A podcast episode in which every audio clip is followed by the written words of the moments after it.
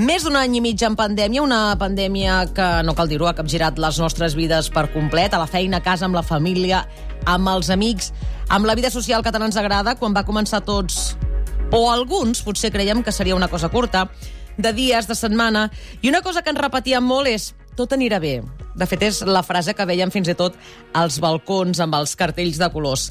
Era el lema de la pandèmia. Però ara, un any i mig després, continuem en pandèmia, estem vacunats i sabem moltes més coses del comportament de virus, però ens ha canviat? La pandèmia ens ha fet millors persones, com pensàvem en un principi? La resposta, qui la posarà és el Roger Tugas, i més que el Roger Tugas, el periodista de Nació Digital, és expert en dades i transparència i avui ha portat aquestes dades sobre la taula per donar resposta. Roger Tugas, molt bon dia. Molt bon dia. Abans, però, el que m'agradaria fer és saludar el Salvador Massip, investigador de la Universitat de Leicester i professor també de Ciències de Salut de la Universitat Oberta de Catalunya. Salvador Massip, molt bon dia. Hola, bon dia. T'atreveixes a contestar la pregunta, tu?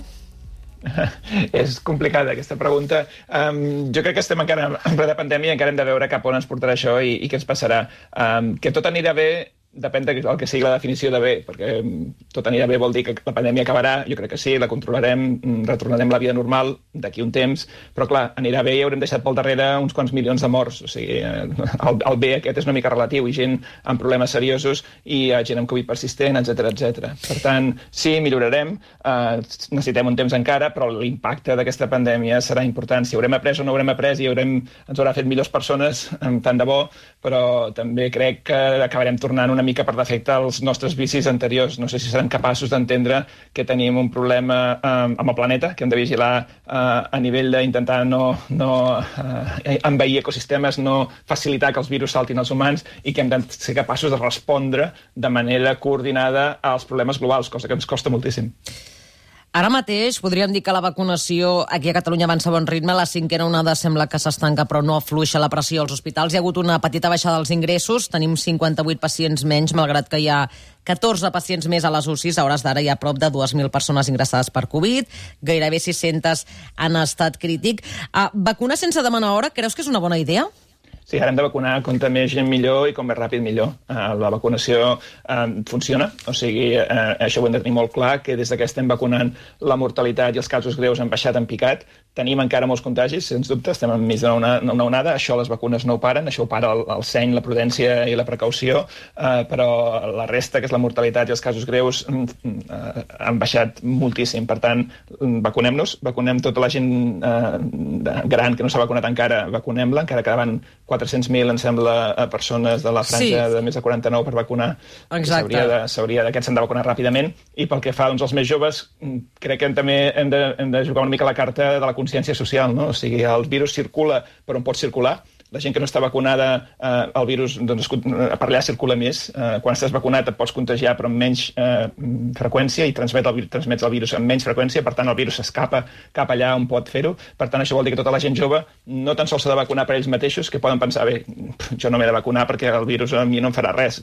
Primera, hi ha un percentatge de joves que també s'ho passen malament, baix, però també existeix, i, i, i segona i més important, aquesta funció, diguéssim, eh, comunitària, social, eh, que hem de tenir tots quan ens vacunem, que pensem doncs, que no és per nosaltres només, sinó per evitar doncs, que la, el virus segueixi movent-se, segueixi circulant, segueixi contagiant. Ah, et volia demanar per aquestes 400.000 persones d'entre 40 i 69 anys que no han rebut cap dosi de la vacuna, per les teves paraules, entenc que les persones no vacunades ara mateix poden convertir-se en reservoris d'aquest virus i permetre fins i tot que vagin apareixent noves variants o escampant-se?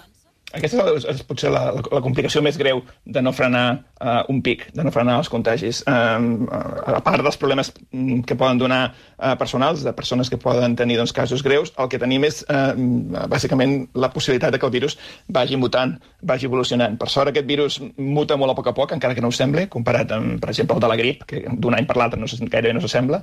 Uh, per tant, amb això tenim sort, però si li donem prou oportunitats, doncs seguiran sortint variants i potser algun dia una soca que sigui prou diferent com perquè haguem de tornar a, a vacunar o a fer altres estratègies. Ja ho hem vist amb la variant Delta. La variant Delta ha sigut l'exemple claríssim de si deixem que el virus circuli, eh, el virus muta, canvia, i un, quan tenia, pensàvem que teníem tot controlat, torna a començar la roda, no? és una mica el que estem veient ara. Doncs això pot tornar a passar i això és el que hauríem d'intentar evitar i la manera més fàcil d'evitar-ho és evitar els contagis i, per tant, vacunar-nos i fer, evidentment, el que dèiem abans, eh, prudència, seny i seguir vigilant una mica. El director del Centre de Vacunes d'Oxford deia ahir que la immunitat de grup és possible. És impossible, perdona, és impossible un cop la variant Delta s'ha convertit en dominant i creu que orientar les campanyes de vacunació cap a la immunitat de grup és un error. I està d'acord?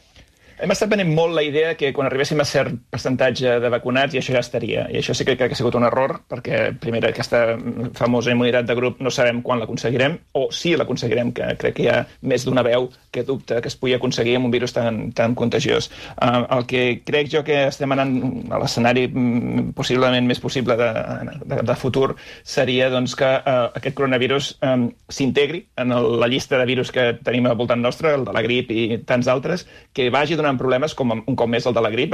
La grip mata mig milió de persones cada any, no, no, no en parlem, però és, és un virus amb un impacte important. El coronavirus es podria convertir en una cosa així, doncs que hi hagi una part de la població, eh, potser la, la, la gent més gran, que pugui mm, patir casos greus i que aquests potser caldrà seguir revacunant i que la resta de la població que tingui anticossos doncs, eh, passi el coronavirus com un refredat eh, lleu. Això una mica seria eh, l'escenari positiu i bo que esperem que pugui passar. Um, això passaria doncs, potser sense la necessitat d'arribar a aquesta desitjada immunitat de grup. Però crec que això ho hem de veure, veure, hem de veure què passa. Quan tinguem, si arribem a tenir 90%, 95% de la població mundial vacunada, veurem quin espai li deixem aquest virus realment perquè circuli i quines variants hi haurà en aquell moment. Aquests dies està notícia aquí al Regne Unit la mort de David Parker, és un conegut antivacunes britànic que mor precisament de Covid, amb 52 anys, tot i no tenir cap patologia prèvia. Com han rebut la notícia les persones antivacunes aquí al Regne Unit? I no sé si això demostra o no demostra que caldria obligar aquelles persones que no estiguin convençudes encara de que han de rebre aquesta vacuna per protegir-se a elles mateixes, però també a la resta de persones que els envolten.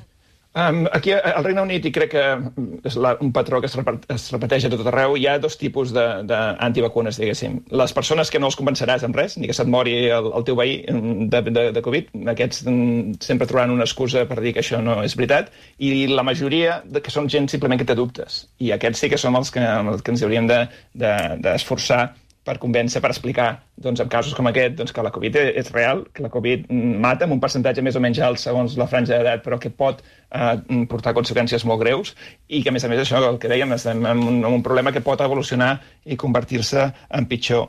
Ara, si això ha de portar o no a una obligatorietat de la vacuna, això és un tema més complicat, perquè aquí entrem ja en temes legals i en temes ètics. No? Fins a quin punt tu pots obligar un adult a fer una cosa, això es, es, es considera una mica doncs, que legalment és dubtós i èticament estàs anant una mica contra la llibertat personal. Jo sempre sóc més partidari d'intentar convèncer la gent, no, més que no obligar-la, ho estem veient a França, o sigui, com més obligues a la gent a fer una cosa, més la gent es rebota en països eh, democràtics. Eh, això pots fer-ho potser en països autoritaris, però no eh, a Europa. Per tant, jo dirigiria els esforços primer les campanyes a, a fer entendre aquesta franja important de, de, de gent que no està convençuda que la vacuna és essencial per ells i pels altres, i si això no funciona, llavors potser ja ens plantejaríem el tema de, de si s'ha d'obligar o s'ha de trobar una manera de, de, de forçar d'alguna manera la vacunació, però crec que això realment ha de ser l'últim recurs i només quan la cosa està en una situació molt greu. Doncs coincideix amb tots els experts que hi vam tenir per respondre a aquesta, aquesta pregunta, perdoni, de si la vacunació havia de ser o no obligatòria. Realment, gran part dels experts ens deien això, eh, que optaven més per una via de la persuasió i de la mm. recomanació que no pas per la obligatorietat. Acabo ja amb l'última pregunta perquè hem sabut fa poques estones que l'eficàcia de la vacuna Sputnik contra la variant Delta és del 83%, això segons el Ministeri de Sanitat rus. Recordem que de moment aquesta vacuna no està autoritzada aquí a la Unió Europea. Canviaria el panorama que, que estigués autoritzada que pogués entrar aquesta nova vacuna? En aquests moments crec que no, perquè tenim bon accés a bones vacunes. Crec que s'ha venut una mica la història mm, que hi ha vacunes bones i vacunes dolentes. La majoria de vacunes que, que tenim tenen un percentatge bastant, bastant similars. Um, les dades de les vacunes xineses i russes sempre les hem d'agafar una mica amb pinces, perquè no sabem ben bé um, què ens arriba. Recordem doncs, que tant els russos com els xinesos van començar a vacunar sense ni tan sols tenir totes les dades a la mà, sense saber si realment les vacunes funcionaven, i això fa una mica de por. Sembla que les dades que estan sortint ara, de, tant de Rússia com de Xina, donen uh, suport a aquesta idea de que les vacunes funcionen, potser no tant les xineses, que tenen el, potser un percentatge més baix, però crec que amb les que tenim ara mm, tenim prou quantitat de vacunes. Jo crec que la, el canvi en el percentatge de vacunació a Catalunya, Espanya i Europa ha sigut evident en els últims mesos. O sigui, van començar molt malament, no teníem prou vacunes, no teníem prou infraestructura, ara ho tenim tot, ara en aquests moments Espanya ja està fins i tot per davant del Regne Unit en percentatge de vacunats, i el Regne Unit era el país més ben vacunat d'Europa, de, per tant no és un problema de manca de, de vacunes, eh, i per tant una vacuna més o menys en aquest sentit no canviaria. El que canviaria seria una vacuna que fos realment el que es diu esterilitzant, és a dir, que impedís el contagi. Aquestes no en tenim encara cap, si algun dia apareix, estan, estan investigant moltes vacunes, tenim una cinquantena almenys de vacunes amb, amb, amb assajos clínics. Si alguna d'aquestes realment pot frenar els contagis, aquesta sí que serà uh, un, un canvi important i potser s'hauria de, de, de començar a donar per evitar doncs, això que uh, hi hagi un augment de, de casos en el futur. Salvador Massip, investigador de la Universitat de l'Ester i professor de Ciències de la Salut de la UOC, gràcies un dia més per atendre la trucada del Matí de Catalunya Ràdio. Moltes gràcies, que vagi bé.